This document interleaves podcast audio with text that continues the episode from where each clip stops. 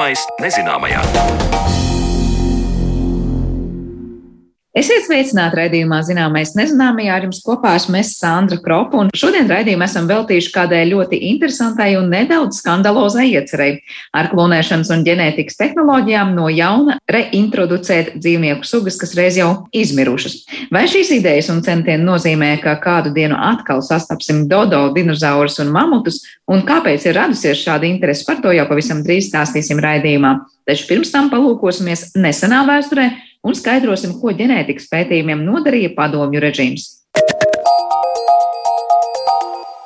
Nevis iedzimtība, bet apkārtējās vidas apstākļi ir tie, kas veido gan augus, gan cilvēkus. Ar šādu teoriju vairākas desmitgades Padomju Savienībā tika mācīta un popularizēta zinātne par ģenētiku. Ne tikai ģenētika, bet arī ķīmijas teorija un kvantu fizika stagnēja un tika atmesta atpakaļ pagātnē. Tā par PSRS laikā valdošo ideoloģiju, kas iznīcināja šīs zinātnes, teica molekulāra biologs akadēmiķis Elmārs Grēns. Ar viņu tikās mana kolēģe Zāne Lāca Baltaltsne. Tātad biedri, kas attiecas uz teorētiskām nostādnēm bioloģijā, tad padomju biologi atzīst, ka Mičūrina nostādnes ir vienīgās zinātniskās nostādnes. Veismanisti un viņu piekritēji, kas noraida iegūto īpašību iedzimtību, nepelna, lai ilgi pie viņiem kavētos. Nākotne pieder Mičūrinam. Tā 1948. gadā Vissavienības lauksaimniecības zinātņu akadēmijas sesijā paziņoja tolaiku biologs un agronoms Staļina ideoloģijai tūs cilvēks Trofims Lisenko. Persona, kurš uzskatīja, ka līdzšinējie pētījumi ģenētikā ir buržuāziski reakcionāri un pilnībā noraidīja ģenētikas teoriju, paziņojot, ka visu nosaka vide, ne iedzimtība. Kā saka mans sarunu biedrs, molekulāra biologs, akadēmiķis Elmārs Grēns, kurš 1948. gada sesijas stenogrammu un pārdomas par to pagājušā gadsimta 80. gados nopublicēja laikrakstā cīņa, bija kulminācija tam, kā tolaik izrēķinājās ar ģenētikas zinātniekiem. Jau pirms tam Padomju Savienībā tika apstrīdētas Mendeļa, Veismaņa, Morgana un citu ģenētiķu teorijas par gēniem un iedzimtību. Taču Lisenko paustās idejas minētajā sesijā turpināja postošo ietekmi uz ģenētikas zinātni toreizējā PSRS. Par to stāsta Elmārs Grēns.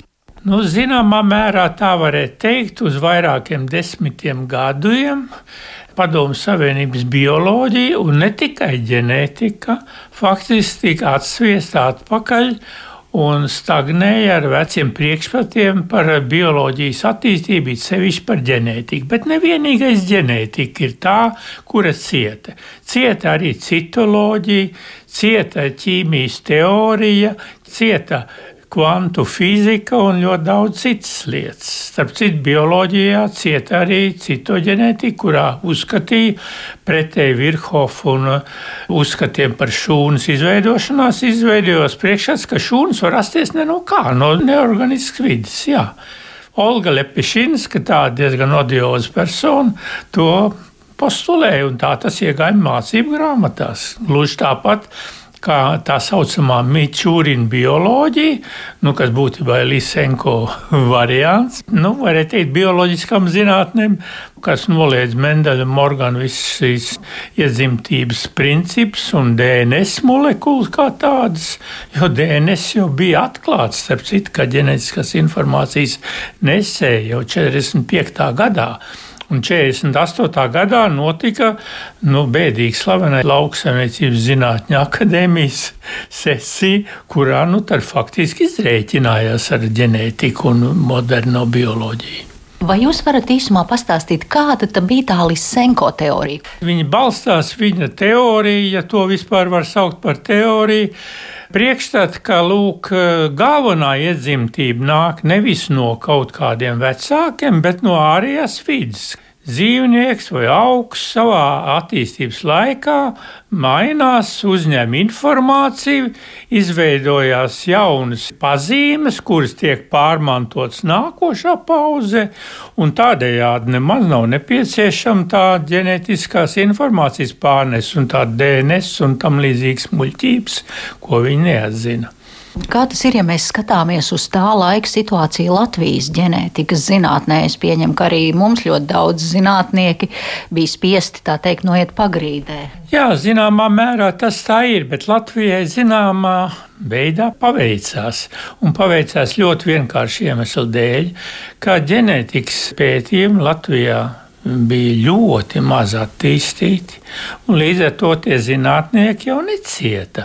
Būtībā nu, tā bioloģijas mācīšana skolā, nu, protams, tika mainīta pēc Līsenko paraugiem, grāmatas pārtrauktas, izdot un iznīcināts, un studiju kurs arī, un skolas programmas arī. Bet eh, tā personiski cilvēki tik daudz neciet tādēļ, ka šī nozare, šī ģenētikas nozare Latvijā bija vāja attīstīta. Ko tolaik mācīja par iedzimtību, vai vispār šāds termins netika lietots?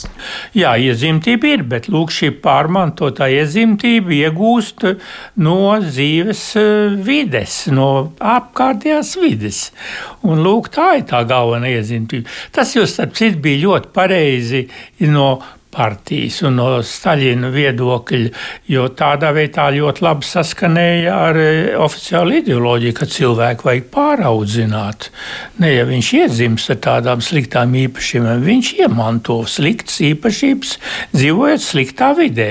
Tā tad, mainot apkārtējo vidi, var izveidot īsto padomu cilvēku. Nu, un kāpēc, lai nebūtu bioloģijā? Balstoties uz šādas teorētiskas bāzes, tika atklāti tādi zinātnes šedevri kā auzu pārvēršanās par auzeni, rudzi par kviešiem un otrādi, kāposts par kāli, pat dzeguzes rašanās no mazā dziedātāja putniņa ķauķīša. Visi šie un tam līdzīgie zinātniskie murgi un atklātās falsifikācijas tika izskaidroti kā apkārtējās vides mērķtiecīgas iedarbes rezultāts. Tā raksta Elmārs Grēns savā grāmatā Ab initio, jeb kā mēs Latvijā izveidojām molekulāro bioloģiju. Atcaucot atmiņā tos laikus, kad gēnu zinātne padomju savienībā gāja greizus ceļus, un zinātnieki, kuri iebilda Lisenko teorijām, tika vienkārši atlaisti no darba. Bet redziet, līdz pat 60. gada sākumā lisenkoisms bija spēcīgs, pietiekošs. Pat eh, galvenajā laikrakstā Prauda pilnā atvērumā uz divām lapusēm bija lisenko raksts, ka nekāda DNS nav, nekādas tādas iedzimtības nav. Un tas bija 70. gada sākumā, kad ne tikai ģenētiskā informācija DNS bija atklāta un viss skaidrs, bet bija ļoti tuvu jau ģenētiskam koda atklājumam. Tas nozīmē vienu drausmīgu atpalicību. Nu, tas rezultāts ir tas, ka Padomu Savienība 70. gada sākumā bija absolūti negatava jaunai bioloģiskai un biotehnoloģiskai revolūcijai, kas saistīta ar gēnu inženieriju. Un kā Latvijā, vai jūs atceraties tos laikus, e, cik ļoti mūsu mācību spēki mācīja šīs Mičūrina, Lisenko idejas un cik atļāvās būt e, pēdiņās Mendelisti, kas tolaik bija labvārds? Nē, nu tāda pilnīgi absolūti bija izslēgta jebkāda mendelisma tipa domāšana, jo modernā ģenētika jau aizliegt bija kā suga. Un tu varēji domāt, jā, bet nemēģini to stāstīt saviem studentiem, nemēģini rakstīt zinātniskos rakstos tādas lietas. Tā kā tas tā bija. Es pat nestudējams bioloģiju, es studēju ķīmiju, es redzēju tās lietas, ka tā saucamā rezonanses teorija un ķīmijas struktūras teorijas, kad balstījās uz kvantu mehāniku, bija absolūti aizliegta. Uzskatīt par buržāzisku zinātnu un nepareizi un viss un caur un primitīvā veidā notika ķīmijas mācīšana, nerunājot maz par bioloģiju. Bioloģija pamatā balstījās uz Mičūrņa selekcionistu darbiem, un tas arī bija tas, kas e, pamatā visai ģenētikas, ja pārmantotības teorijām, mācībām bija raksturīgi. Nekādi gēni, nekādas teiksim, pārmantotības no vecākiem. Kā savā grāmatā min Elmārs Grēns, atsaucoties uz 1948. gada Lauksaimniecības zinātņu akadēmijas sesiju, tad nepaliek ne mazāko šaubu, ka te notiek pseidozinātnisks fars nolūkā izrēķināties ar ģenētiku, lai dotu ceļu Lisenkoviešiem ģenētikas sagrāves ceļā. Diemžēl šajā sesijā paustās idejas ilga vairākus gadus, un tikai pagājušā gadsimta 80. gados ģenētikas zinātne sāka atkopties pēc minētās pseidozinātnes. Būtībā Hruščova laiks bija tad, kad faktiski Lisenko arī pazaudēja savu varu. Tas ir 60. gadu vidus kad atgriezās jau pie modernās ģenētikas principiem, kaut gan vārdu molekulārā bioloģija tika aizliegta vēl joprojām pats nosaukums. Tādēļ Molekulārās bioloģijas institūts Maskavā faktiski būtībā centrs visiem molekulāru ģenētiskiem un bioloģiskiem pētījumiem tika nosaukts par fiziko-ķīmiskās bioloģijas institūtu. Un tikai krietni vēlāk pēc tam viņš atgriezās pie pareizā nosaukuma. Tā kā pats termins bija aizliegts. Bet nu, Lisenko idejas vairs nebija tik populārs. Viņš bija diezgan daudz izgāzies lauksaimniecībā, ko sasolījis jauns hibrīds un jaunas panākumus, un tas eh, kaut kādā veidā nerealizējās. Kā tas bija pagājušā gadsimta 80. gados, kad Gorbačovs nāca pie varas, vai tad var kaut kas mainījās? Tad, kad nāca Gorbačovs pie varas, tad, protams, viss bija mainījies. Tad uh, bija iespējas zinātniekiem braukt uz ārzemēm, un uh, padomu zinātnieki tika diezgan daudz izsūtīti uz ārzemēm, apgūt modernās ģenētikas, modernās molekulāras bioloģijas metodas. Es pats biju liecinieks visā tajā lietai. Es nebiju gan ārzemēs, man neviens nelaid uz ārzemēm, bet es eh, nu, iegūtu to informāciju, kas ir literatūrā un kas ir arī Maskavā. Tie zinātnieki, kas atgriezās ar kaut kādām zināšanām, un tad mēs radījām Latvijā molekulārā bioloģiju. Un tāpat reizē ar to pašu laiku arī Maskava un Jēngrads galvenie institūti arī to pašu darīja. Pārņēma lēnām, pamazām molekulāro bioloģiju, molekulāro ģenētiku ar modernām metodēm, viss tā tālāk, un Lisenko bija pilnīgi aizmirsts. Kuriozi, bet vienlaikus arī skumji lasīt 1985. gadā iznākušā Latvijas padomju enciklopēdijas sējumā publicētās rindas par Lisenko. Pēc rūpīga visu titulu un apbalvojumu uzskaitas seko viena vienīga frāze par šīs personas darbību. Vairākas Trofima Lisenko izvirzītās teorētiskās atziņas nav guvušas eksperimentālu apstiprinājumu. Un viss, it kā nekas cits nebūtu noticis. Lisenko ir pelnījis citu raksturojumu, kā sava laikmeta viena no spilgtākajām negatīvajām izpausmēm. Tā raksta Elmārs Grēns savā grāmatā Ab Initio. Tik tālu par ģenētikas zinātni padomju periodā, bet par to, vai mūsdienu tehnoloģijas ļaus augšām celties mamutiem un varbūt pat dinozauriem, saruna pēc brīža.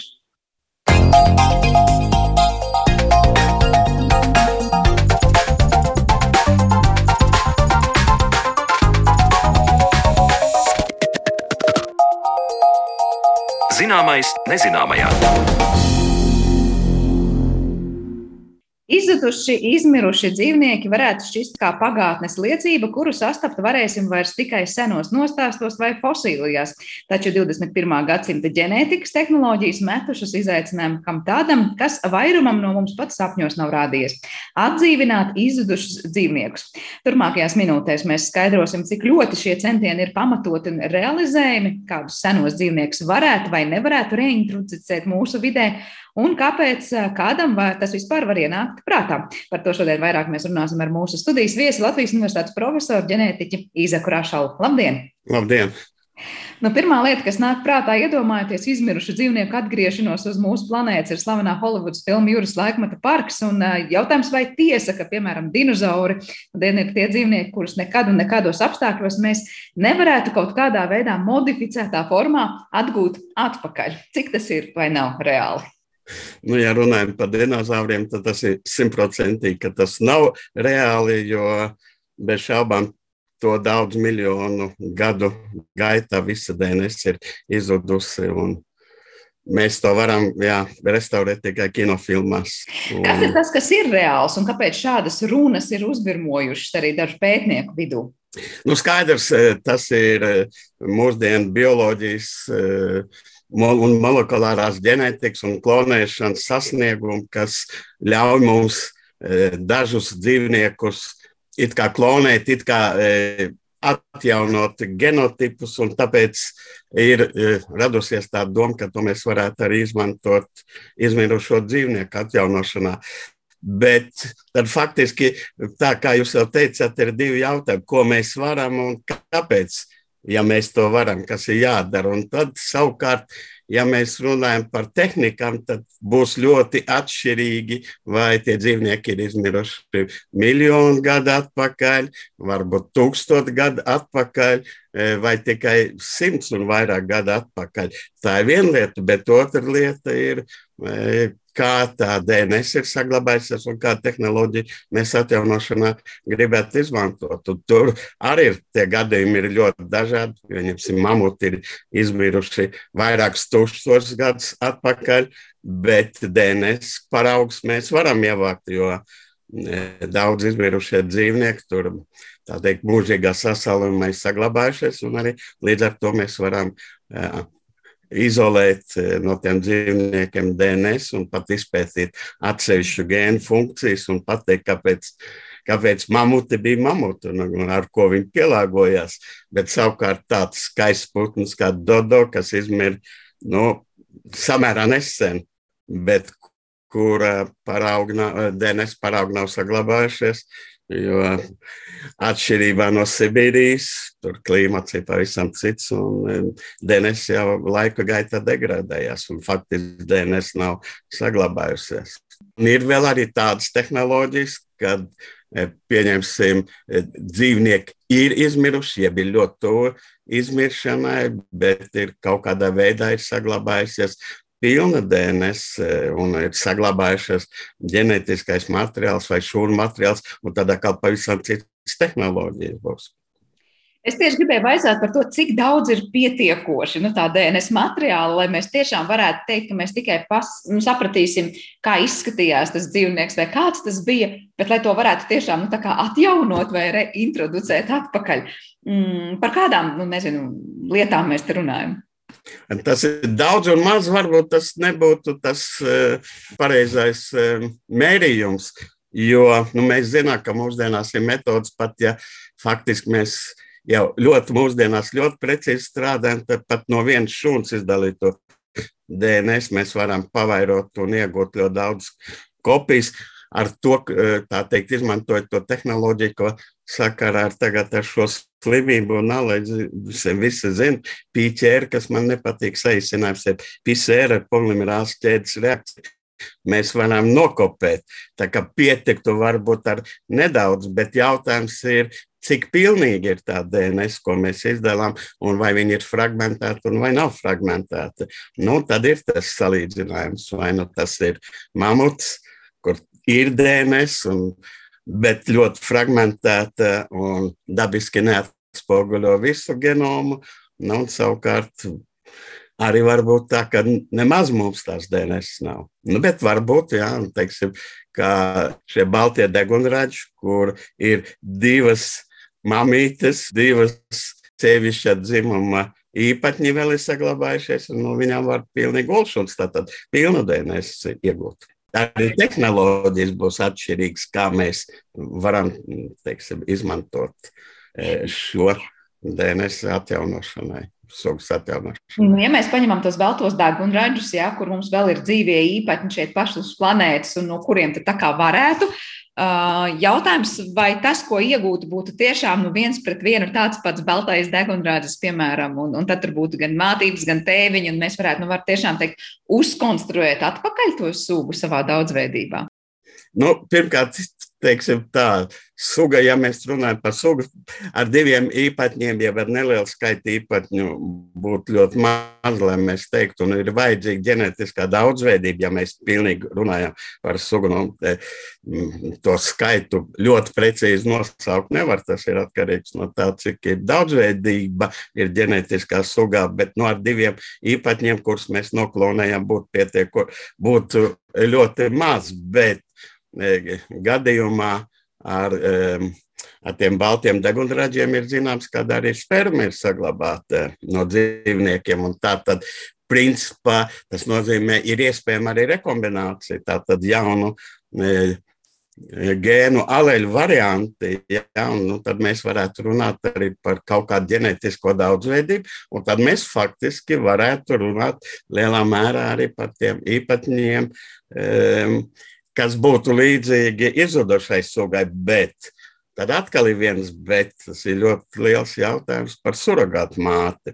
Ja mēs, nu, varbūt ir tāds e, nelielā mērā saistīts ja, jautājums par teiksim, māju dzīvnieku mīļuļu klonēšanu. Un, un tad ir skaidrs, ja mēs gribam noklonēt kaķīti, tad mēs kā surrogāta māte varam izmantot kaķīti un tos pašus sugas. Un ne tikai sugas, bet arī šķirnes. Bet mēs zinām, ka tā jaunpiedzimušā īpatņā fenotips un eh, arī visa gēna darbība būs atkarīga no tā, no, mm, teiksim, kurš tad ir mātes organisms, ja, kur embrijs attīstās. Un klasiskais piemērs ir, ja mēs sakrustojam zirgu ar rēzeli. Tad vienā gadījumā mums ir mūls, un otrā gadījumā zirgēdzels. Kaut vai, kaut vai kodola genotips ir viens un tas pats. Līdz ar to, ja mēs e, tādu embriju arī iegūtu, tad ir svarīgi kura būtu tā surrogāta māte, cik viņa tuvu e, būtu izskatīta, nu, kāda radnieciskā suga būtu jāpiemēro, bet arī tās radnieciskās sugas mātes genotips tātad, e, arī ietekmē to, ko mēs saucam mūsdienās par epigenētiku, ar tāds moderns vārds. Viss tas, kas ārpus ģenētikas, bet tomēr ļoti liela nozīme tam, tam dod. Uh, nu šeit mēs piesaucām tiešām salīdzinoši, laikam, vēl tos vieglos piemērus, tad, kad tas ģenētiskais materiāls tepat uz zemes vēl ir pieejams, tad nu, pietiekoši pilnā klāstā, vienalga, vai tie ir stāsts par mājas kaķīšiem vai baltajiem degunraģiem. Ja mēs kāpjam soli atpakaļ, to, ko jūs minējāt, kur jau ir krietni grūtāk un tas DNS ir fragmentētāks, un proti, tie ir tie mamuti, piemēram, ja, Tīri tehniski, cik tur ir iespējams un cik tālu tur būtu kāds tas scenārijs, ja mēs tagad gribētu tiešām radīt vēl vienu mamutu, kas sen šo planētu ir pametis no tā, kas ir saglabājies? Nu, skaidrs, ka pilnu mamutu genomu atjaunot nav iespējams. Nu, mēs varam nosekvenēt, un daudz kas jau ir nosekvenēts, viss ir fragmenti, bet uh, Nav šaubu, ka absolūti simtprocentīgi visu genomu noklonēt nav iespējams. Un, teiksim, tāda tehnoloģija, ka mēs varētu pilnu mamuta genomu ievadīt kādā, nu, kādā gametā, vai vīrišķā, vai sievišķā, un pēc tam e, iegūt zigotu, kur būtu pilns genoms, tas nav iespējams. Līdz ar to tajos projektos, kas attiecībā uz mamutiem ir, tad ir doma, ka tos gēnus, kuri lielā mērā atbilst, atbild par mamuta fenotipu. Jā, tā tad gan par e, to apmatojumu, to vilnu, jā, kas viņiem mm, palīdz saglabāt temperatūru par vielmaiņas īpatnībām. Un citas tos gēni viņi ir identificēti vairāk vai mazāk precīzi. Un tad tos mēs varētu, nu, respektīvi, tāds ir tāds projekta uzdevums pārnest tuvradnieciskā, tātad vienā no eksistējušām ziloņu e, genomiem, jā, tas tagad jau tās modernās gen, genoma rediģēšanas metodas to atļauj izdarīt vairāk vai mazāk mērķtiecīgi.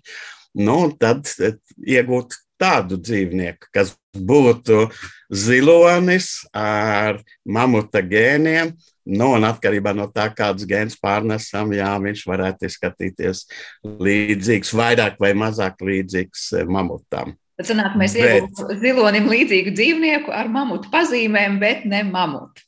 Bet ne mamutu, bet ir līdzīga iespēja. Principā ļoti bieži teiksim, gēni kuri evolūcijas gaitā nefunkcionē, bet viņi genomā saglabājušies.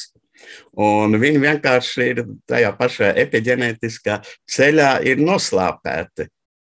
Un tad ir iespēja, ka nu, teiksim, nu, mēs zinām, jā, kad tam pašam cilvēkam dažreiz parādās e, kaut kādas pazīmes, tādas, kas nu, sen jau nav bijušas, ja kaut kāda asins aizmetņa, ja vēl kaut kas. Jā, tas nozīmē, kad ka kaut kādi tie atavismi parādās, tad tas nozīmē, ka ir gēni, kas tos atavismus kontrolē. E, e, viņi ir saglabājušies. Nu, tad otra iespēja ir varbūt tos gēnus, kas ir kaut kādā veidā noklusināti, padarīt viņus runājošus, nu, respektīvi, ļaut viņiem ekspresēties. Nu, noteikti tādi gēni, ja, kas varbūt ir atbildīgi par to apmatojumu rašanos, jā, varētu būt.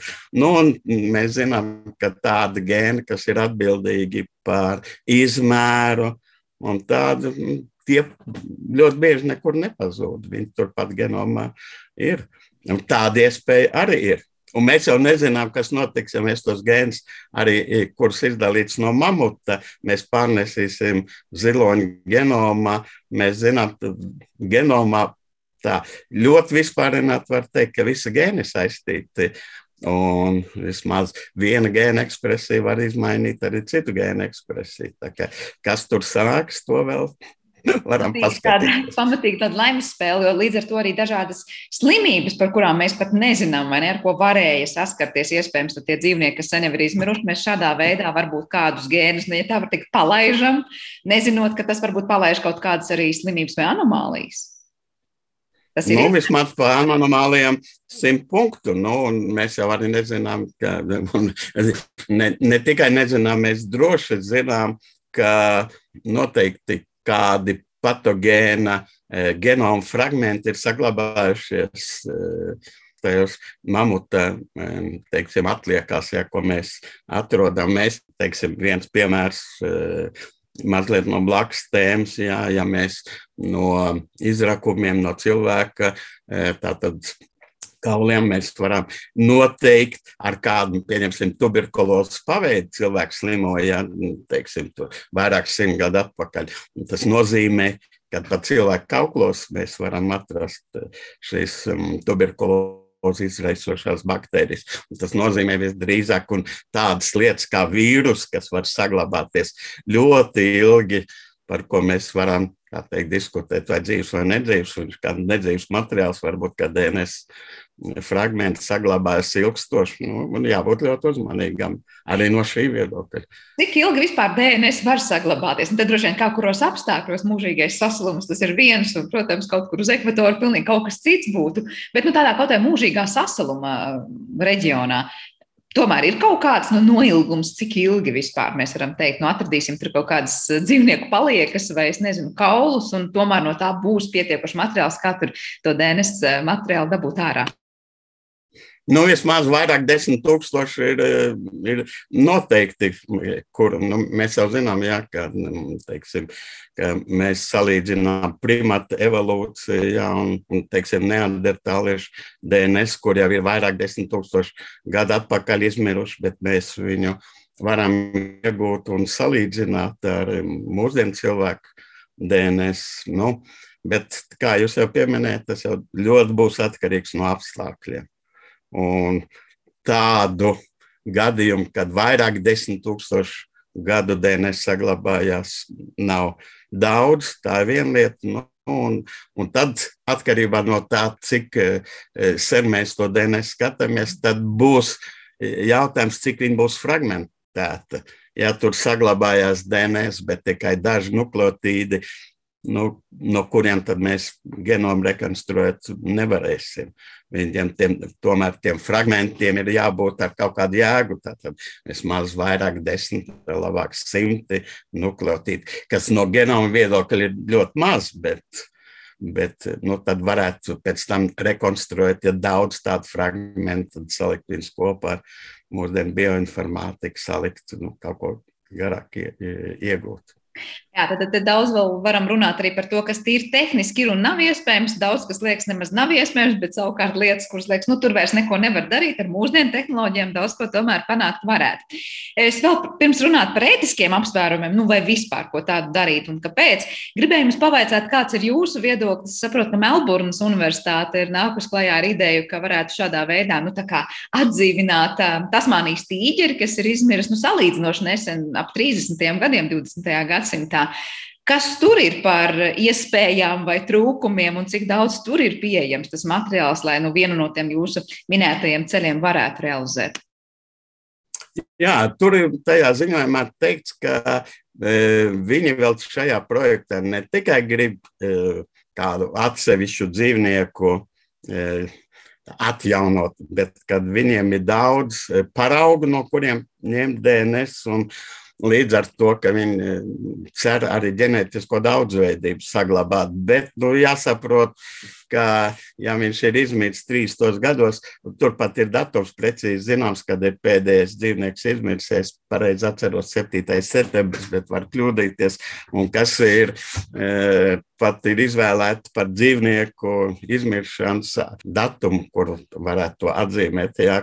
Bet, e, skaidrs, ka tajos trīstos gados neviens neiesaldēja kādas bioloģiskās dabas paraugus. Jā. Pat nu, visdrīzāk var runa būt par kādiem izbāzeņiem, ja vēl kaut ko, no kuras var mēģināt iegūt DNS. Nu, tad bez šaubām ir skaidrs, ka tā DNS būs fragmentēta. Un, uh, Ok, ja mums ir daudz īpaņu, kā jau pieminēju, ja mums ir mēs, teiksim, daudz fragmentu un mums ir daudz šūnas, jā, un daudz individu, mēs pēc tam varam nu, puzli salikt kopā un izveidot kādu DNS, bet nu, tas e, visdrīzāk jau arī būs situācija, kad e, ir jāizveido, nu, skaidrs, ja mēs zinām DNS DNS teiksim, secību, mēs it kā varam arī dažreiz kaut ko nu, dārgi, bet varbūt varam e, to DNS it kā sintēzēt un salikt viņu kopā un izveidot garākus fragmentus. Nu, tad ir savukārt ir jautājums, kā mēs to e, tā teikt, acīm redzot, tad ir kāda no gametām, vai nu olšonā, vai vēl kaut kur jāpārnes, tad ir jāatrod surrogāta māte. Nu, vai tie skaidrs, ka tie nebūs pilnvērtīgi tādi dzīvnieki, kur ir izmiruši. Nu, kā mēs zinām, tad tā, tā teikt, ir privātais fonds, kas ir iedevis tos 5 miljonus, bet eh, dolāru laikam, jau Austrālijas dolāru. Bet, eh, kā jau speciālisti saka, tas būtu stipri, stipri pamazs tas finansējums. Un ko par tiem pieciem miljoniem it kā tas liekas pietiekoši liels, summa, bet eh, cik daudz un cik tālu to varētu atjaunot, eh, var šaubīties. Līdz galam nepietikt. Ja? Es tieši gribēju par to naudu arī teikt, jo viens no aspektiem ir uzvirmojis par to ētisko mm, problemātiku, proti, nu, uzrodās kāds, kurš varbūt ir gatavs dot nevis 5 miljonus, bet nu, kaut kādā 55 miljonus, ja? un tad jautājums, Vai tas, kurš būs gatavs maksāt, pasūtīs mūziku, ja tā var teikt, un tagad teiks, es gribu atjaunot Tasmānijas tīģeri vai tādu degunradzi, vai savukārt vēl kādu dzīvnieku, Un, un kā tas vispār iet kopā ar to, nu, ko mēs varam, ko nevaram darīt? Jautājums, vai tiešām par naudu, gan drīz vai mēs būtu gatavi atjaunot pilnīgi jebko, nedomājot, kādas būs nezinu, ekoloģiskās sekas vai kaut kāds, nu, visas tā kopaina jau droši vien mainītos, ja pēkšņi kādam pat tehniski izdotos, nu, mamutu šeit reģenerēt pasaules ainavā. Nu jā, nu tad ir jautājums, ko mēs ar to mamutu darīt vai mums būs viens, divi eksemplāri, kurus mēs ievietosim zoologiskā dārzā, lai varbūt piesaistītu vairāk apmeklētāju. Un, un vienalga, kā mēs jau runājam, tas nebūs īstais mamuts, bet būs. Ja, tas pats arī ar Tasmānijas tīģeri. E, tas ir no vienas puses, no otras puses, jā, arī ne, pa to mamutu var atrast. E, tā doma izteikt, ka, okay, kad e, savā laikā mamuts ļāva uzturēt tajā ziemeļtundrā kaut kādas bioloģisko daudzveidību zināmā mērā. Līdz ar to, ja mēs atgrieztu mamutu kaut kur tajos apstākļos, ja, tad mēs pa, palielinātu ģenētisko, nu, bioloģisko daudzveidību kopumā. Nu, skaidrs, ka tas ir absurds, lai, nu, pirmkārt, jau ir klimats ir stipri mainījies, jā, un, un tad iedomājieties, cik vajadzētu mamuts, lai tam patiešām būtu kaut kāds ekoloģiskais efekts, kuru mēs nekad nevaram paredzēt. Jā, nu, kaut vai ņemsim to pašu piemēru no Latvijas ar Latvāņiem, jā, kurš ne, nekad nevar iedomāties, kā tas ir. Un, Un mēs zinām, ka teiksim, ekosistēmās tās attiecības starp sugām ir tik daudzveidīgas un ne tik viegli prognozējams. Ka, nu, no tā viedokļa, teiksim, kā ģenētiski kādas daudzveidības paaugstināšana, es arī nedomāju, ka tas būtu ļoti e, nozīmīgi.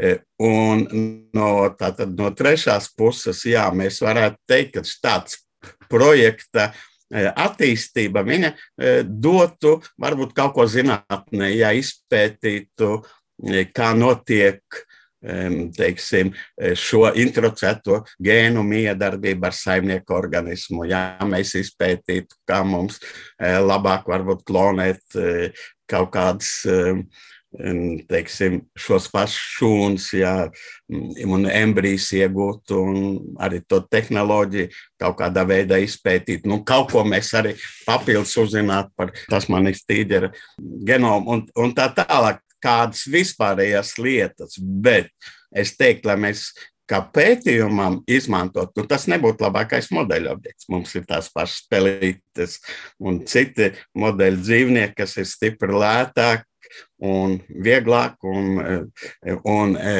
arī labāk strādā.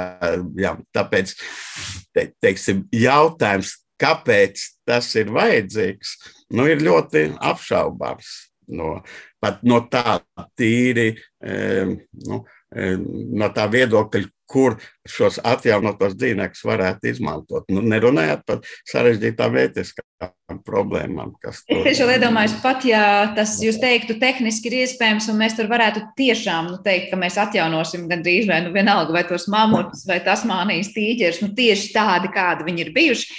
Te jau atkal jautājums būtu tas ētiskais no tāda aspekta, Vai tas neradītu e, sajūtu mūsu galvā, ka nevajag sargāt šobrīd sugas, kas varbūt ir uz izmiršanas robežas, jo tas kaut kā ģenētiķi palīdzēs un nāks tālāk. Un, protams, mēs atkal atradīsim tajā savā galvā attaisnojumu, nevis mainīt savu uzvedību un varbūt nedegradēt tās dzīvotnes, kur šobrīd šie dzīvnieki uzturās, bet gan pateikt, nu nāks maģiskā tehnoloģija, kas palīdzēs, un lai vai kā mēs dzīvotu, izmirstošās sugas joprojām būs. Bet e, es vēl gribēju vaicāt par to, cik vispār jaunas vai vecas ir šīs idejas, jo es saprotu, saprot, nu, tas, ka tagad ir ideja varbūt Austrālijas zinātniekiem, nu, tomēr strādāt pie tā Tasmānijas tīģera atjaunošanas, tāpēc, ka nauda ir iedota, ir vai nav reāli. Es saprotu, tie jau ir vairākas desmitgades, ja, kad parādījās vispār ideja kaut ko tādu darīt, un kas ir licis, nu, zinātnieku pasaulē šām, šīm domām uzvirmot. Nu, vispār jau par klonēšanu un par um, teiksim, kodola pārstādīšanu un e, embrioloģiju. Mēs jau zinām, ka embrioloģija no 19. gadsimta beigām tas jautājums jau e, daudz zinātnieku pētīgi e, gan Eiropā, gan arī ārpus Eiropas. Tad, kad atklāja DNS un DNS funkciju, tad, teiksim, jau 60. gados, 50. gadu beigās bija ļoti daudz pētījumu embrioloģija un ar zemākiem dzīvniekiem, kur vieglāk pārstādīt kodolu no vienas sugas otrā un, un skatīties to attīstību. Nu, mēs zinām, ka audu kultūras kā tāds jau samērā arī jau kādu laiku ir parādījušas, kas ļauj mums dzīves šūnas uzturēt. Nu, un tad tā teikt, tehnoloģija attīstījās. Nu, visi zina to slaveno doliju, jā, tad to pirmo klonēto E, zīdītāju. Nu, tieši es uzsveru klonēto zīdītāju, jā, un tad, nu, tad bez šaubām e, tātad, tas it kā apstiprināja, nu, arī varbūt jau citu, nu, ja, ja ne zinātnieki, tad domātāji e, kaut kādas idejas, ka varbūt mēs varētu kaut ko pavairot, iztaisīt kādu individu kopiju. Pie tam klonēšana jau kā tāda jau nav nekas jauns. Mēs, ja aug pasaulē, tas ir, teikt, ir ļoti plaši izplatīts ar zemākiem dzīvniekiem, klonējās. Jā. Līdz ar to bija doma, ka ja tagad mēs varam atrast vēl arī kaut kādu DNS no izmirušiem dzīvniekiem, vismaz fragments kaut kādā veidā tad mēs varētu to pārstādīt. Jā, nu, tā, tā, tā, tā klonēšanas tehnoloģija un genomu izpētes tehnoloģiju e, apvienošana ļautu mums nonākt pie, e, pie šādas izmirušo dzīvnieku atjaunošanas. Bet es saprotu par to izmirušo dzīvnieku tieši atjaunošanas, nu, nevis klonēt to, kas jau ir, un tad vēl klāt, bet tie, kas jau ir izmuruši, es saprotu, 2003. gads bija diezgan iezīmīgs saistībā ar kādu kalnu kazas, man liekas. Eh, jā, jā, jā. jā. Un vārdi. Es gribēju jautāt, cik veiksmīgi vai neveiksmīgi un kā ir beigušies tie mēģinājumi? No, par nožēloto Pirinējas kazu nekas labs nesanāca. Jā, tātad Pirinējas kaza tā ir viena no pasugām. Nu, Pirinējas kazas, savaļas kazas sugas pasugām. Un, Un šajā gadījumā, atšķirībā no iepriekšējiem, jau bija arī ģenētiskais materiāls, atšķirībā no E, teiksim, nu, ja runājam par to pašu Tasmānijas vilku, jā, jeb, e, bija e, ne tikai ģenētiskais materiāls fragmentēts, bet bija pilns genoms. Nu, tā tad bija ievākti jau bioloģiskie paraugi, tad bija, piln, nu, bija šūns, tad pilns genoms. Nu, tad bija vairāk kā 150 embriju bija, bija iegūt, kas ir pārstādīti, bija suragāti mātēm, nu, tātad no turanieciskās pasugas indivīdiem. Un, tas beidzās ar to, ka lielākā daļa embriju vispār neattīstījās. Tad tikai divi embriji vairāk vai mazāk turpināja attīstīties. Faktiski dzīves piedzima tikai viens kazlēns, kurš pēc dažām minūtēm arī nomira. Tā kā pat tādā gadījumā, kad mums ir it kā pilns genoms. Tas, tas mēģinājums bija nesekmīgs. Nu, tad ir, arī, ja mēs runājam par klonēšanu, cik tas ir efektīvi, tad mēs zinām, nu, kad ir firmas, ja, kas par naudu, par lielu naudu, par vairākiem desmitiem tūkstošu var it kā klonēt jūsu mīluļus. Un tad veiksmes procents pat tādiem dzīvniekiem, kuriem tas ir attīstīts, tehnoloģija pietiekuši labi, ja, teiksim, kaķiem, suņiem. E, zirgiem, tas veiksmes procents ir 20 tikai. Tātad mēs jau zinām, arī, ka Dolija, kad eh, tika mm, klonēta, nu, viņa piedzima ar diezgan mm, lieliem fiziskiem trūkumiem. Jā, tā, kā, tā kā pat tādā gadījumā tas ir ļoti mm, tā varbūtība. Nu, vismaz tur ir, tad es teicu, jāiegulda ļoti liela līdzekļi, lai varbūt būtu vismaz viens e, pozitīvs iznākums. Bet, e, Te patiesībā jūs aizskārat vēl vienu ētisko pusi, ja proti ir radīts, nu, var teikt, es nezinu, vai kaķis, vai suns, vai zirgs, vai aita, kurš vienalga ir ar lieliem fiziskiem trūkumiem, tikai tāpēc, ka nav izdevies nu, tā, to visu izdarīt nu, tā, kā varbūt dabā būtu noticis, vai varbūt vienkārši nav veiksmīgi.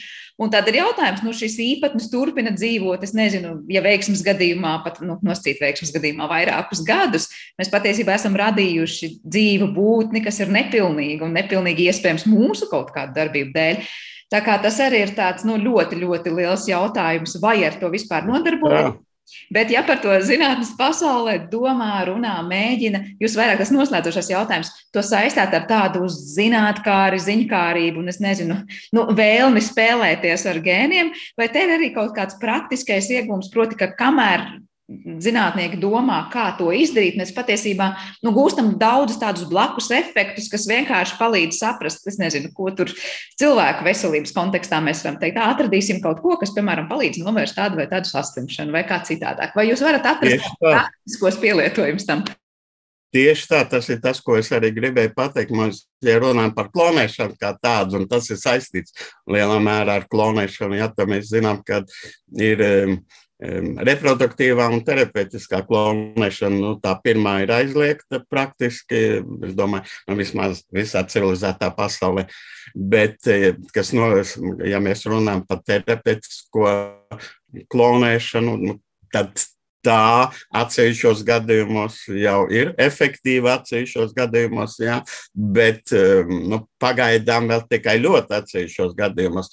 Un bez šaubām zināšanas par to, kā šie epigenetiskie efekti veidojas un kā viņi izpaužās, nu, tie būs ļoti svarīgi no medicīniskā viedokļa. Un tāpēc jau arī svarīgi ir ne, neizmantot, lai pēc tam nonāktu pie kādiem secinājumiem, kas būtu svarīgi medicīnā, nodarboties ne ar tasmānijas vilku, bet ar, teiksim, ar pelēm, žurkām, varbūt tad, kad varbūt vajag, nu, mums zinām, ir arī tā, tāds izveidots nu, eksperimentālās modeļu cūku līnijas, ka, nu, jo cūku fizioloģija, mēs zinām, ir vairāk vai mazāk tuvākajā cilvēkam. Un arī tāpēc orgānu pārstādīšana tagad jau ir iespējama varbūt. Un, un tādas lietas, bet nu, un, kur ir stingri reglamentēts, kā mēs veicam šos eksperimentus, lai būtu pēc iespējas mazāk negāciju arī pret tiem pašiem dzīvniekiem. Jā, mēs jau zinām, pat no ētiska viedokļa, no attiecībā uz tām surrogātu mātēm, kurām nu, pirmkārt tā procedūra ir diezgan sāpīga, iespējams, arī pašām mātēm. Nu, kā mēs no ētiska viedokļa skatīsimies jā, uz tiem dzīvniecībiem kuriem tāda operācija ir veikta, kur varbūt nespēja atstāt savus pēcnācējus tā iemesla dēļ. Nu, ok, ja tas ir zinātnes vajadzībām, un ja mēs runājam ar modeļu objektiem, jā, nu, tad ar Eiropas Savienība atļauj izņēmumu kārtā tādus eksperimentus, kas var eh, dot medicīnā svarīgas zināšanas. Bet nu, nu, nevajadzētu eksperimentēt šim nolūkam ar Tasmānijas vilka nu, genomu. Kaut ko mēs jau iegūsim, skaidrs. Nu, bet vai tas būtu to vērts? Visdrīzāk jau vismaz mūsdienās noteikti. Ne. Paldies par šo sarunu. Tiešām daudz interesanti jautājumi, kas tika akcentēti un aktualizēti. Latvijas Universitātes profesors ģenētiķis Izaks Rašals atgādināšu mums šīs eh, dienas studijas viesis bija. Ar to arī šis raidījums ir izskanējis, un paldies par to producentē Paulai Gulbīnskai. Par mūziku šajā stundā rūpējās Girds Bišs, bet ar jums kopā bija Sandra Kropa, un ar atkal jauniem jautājumiem mēs būsim klāt jau pavisam drīz. Visu labu!